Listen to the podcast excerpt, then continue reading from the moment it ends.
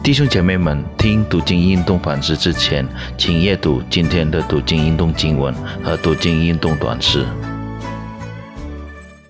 主内弟兄姐妹们平安，感谢上帝的带领，让我们今天有机会来学习他的话语。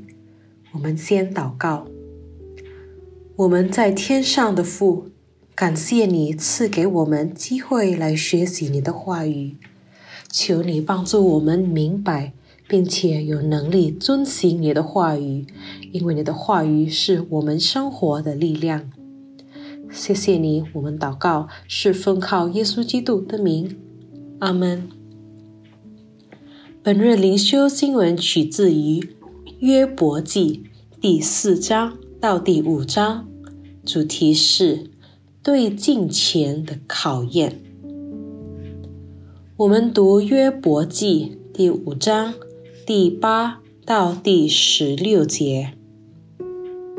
至于我，我必仰望神，把我的事情托付他。他行大事不可测度，行其事不可胜数。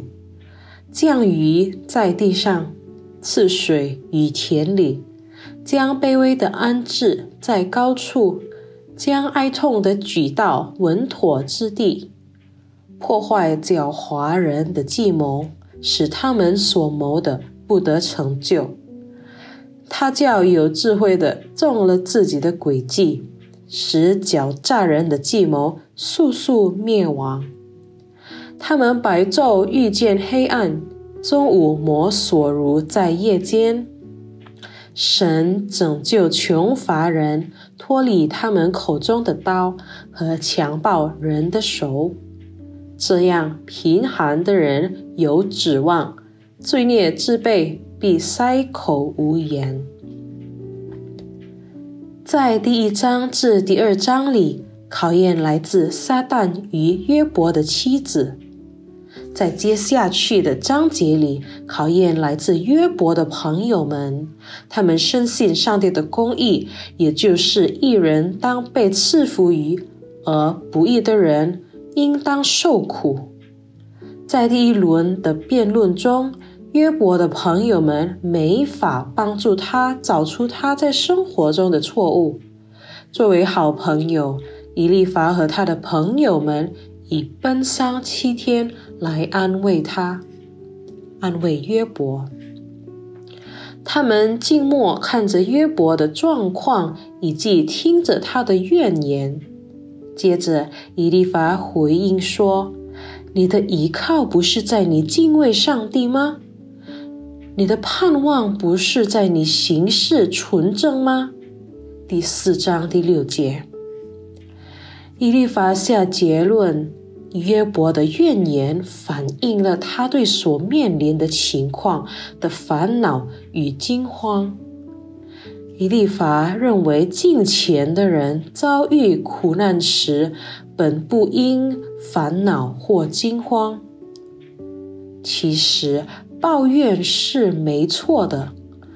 马可福音第十五章第三十四节记载。主耶稣也曾经抱怨说：“我的上帝，我的上帝，为什么离弃我？”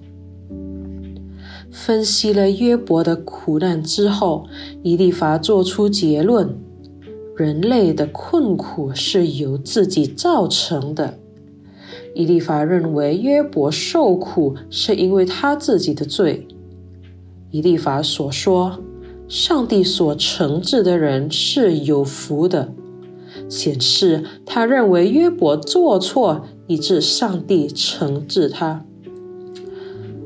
虽然确实罪恶可引起苦难，但不表示每一次苦难都是人类自己的行为引起的。第一至第二章显明约伯的苦难。不是因为他犯罪，而是因为上帝允许撒旦试探约伯。以利法确信上帝不相信任何人，无论是天使或人类。